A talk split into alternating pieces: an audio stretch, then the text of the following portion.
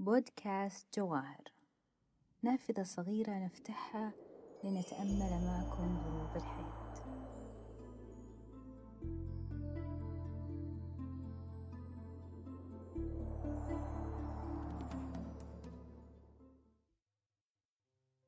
لكل منا ذكريات خاصة به. مضت وانتهت ولكنها ما زالت تنبض بالحياة. نتذكرها من حين لآخر. لنتصل بدواخلنا اللطيفة جدا اللي غالبا ما نداريها عن الناس خوفا من تفسير هالجانب بالضعف. الذكريات لها رونق خاص يبعث بالنفس شوقا لماضي ذهب وولى وتحيي فينا مشاعر كادت أن تنسى. هذه الحلقة نبغى نحيي فيها أجمل وأطهر الذكريات. يمكن بوقتها ما كنا مدركين أننا نعيش لحظات مبهجة جدا لكن اليوم نستشعر قيمتها وجمالها. مرحلة الطفولة تمثل الجسر الذي يعبر إليه الإنسان إلى جميع مراحل العمر وهي الوقت الأفضل لصقل الشخصية وتكوينها والفترة الأهم في حياة أي إنسان. وتظل خبرات تلك المرحلة هي الخبرات الأهم والأقرب إلى القلب على الإطلاق. ويأخذ الإنسان من هذه المرحلة المهمة دروسا يظل يتذكرها إلى آخر عمره.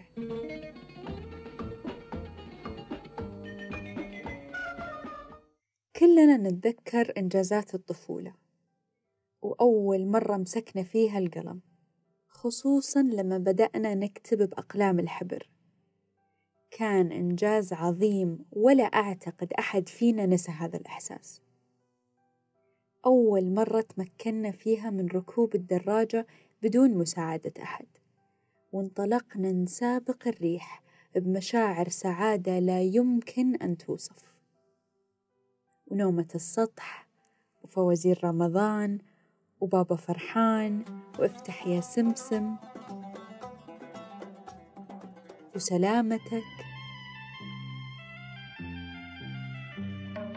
البرامج الموجهة للطفل وللأسرة قديما كانت تنمي وتقوم وتناقش مواضيع تهم الطفل تربويا واجتماعيا وتحمل في جعبتها الكثير من المعلومات الثقافية بالرغم من أنه كان التلفزيون لساعات محددة خلال اليوم إلا أنه أثرى أجيال وأجيال عبر الشاشات الصغيرة. بالإضافة إلى الحرص على لغتنا العربية الفصحى وتنمية الخيال اللامحدود للطفل في تلك البرامج. أما حدودنا بهذاك الوقت كانت بيت الجيران وبيت خوالي ومدرستي الصغيرة.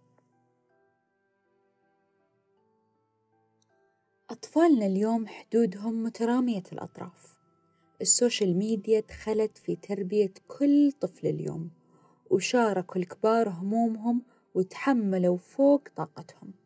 إحنا مو ضد التقدم والتطور لكن لكل مقام مقال.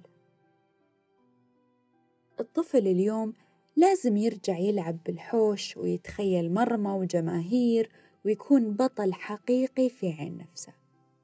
وتمارس الطفلة دور الأنثى الاجتماعي بلعبة حريم وتعيش مشاعر الأمومة بجلال الصلاة الملفوف بالسجادة. ال social media سلبت من الناضج وقته وبعض من شخصيته. فما بالك بالعقول الصغيرة النقية؟ طفل اليوم ما ترضيه لعبة ولا لعبتين ولا ثلاث. دائما يطلب المزيد وصعب إرضاءه. وشبه مستحيل يجلس في بيت بدون إنترنت. تتعطل متعته. حدود أطفالنا اليوم تعدت بيت الجدة والمدرسة والجيران وصارت العالم كله. في بعض الأراضي من هذا العالم اليوم أصبح الطفل يشيل جزء من عبء أسرته المادي ويحاول يكسب ماديا ويترك مقعد دراسته عشان لقمة العيش في غالب الأحيان. كيف بيكون مستقبل أطفال اليوم؟ هل يعرف أطفال اليوم لذة مشاعر الرضا؟ أو لازم نستعد لمواجهة جيل صاخب؟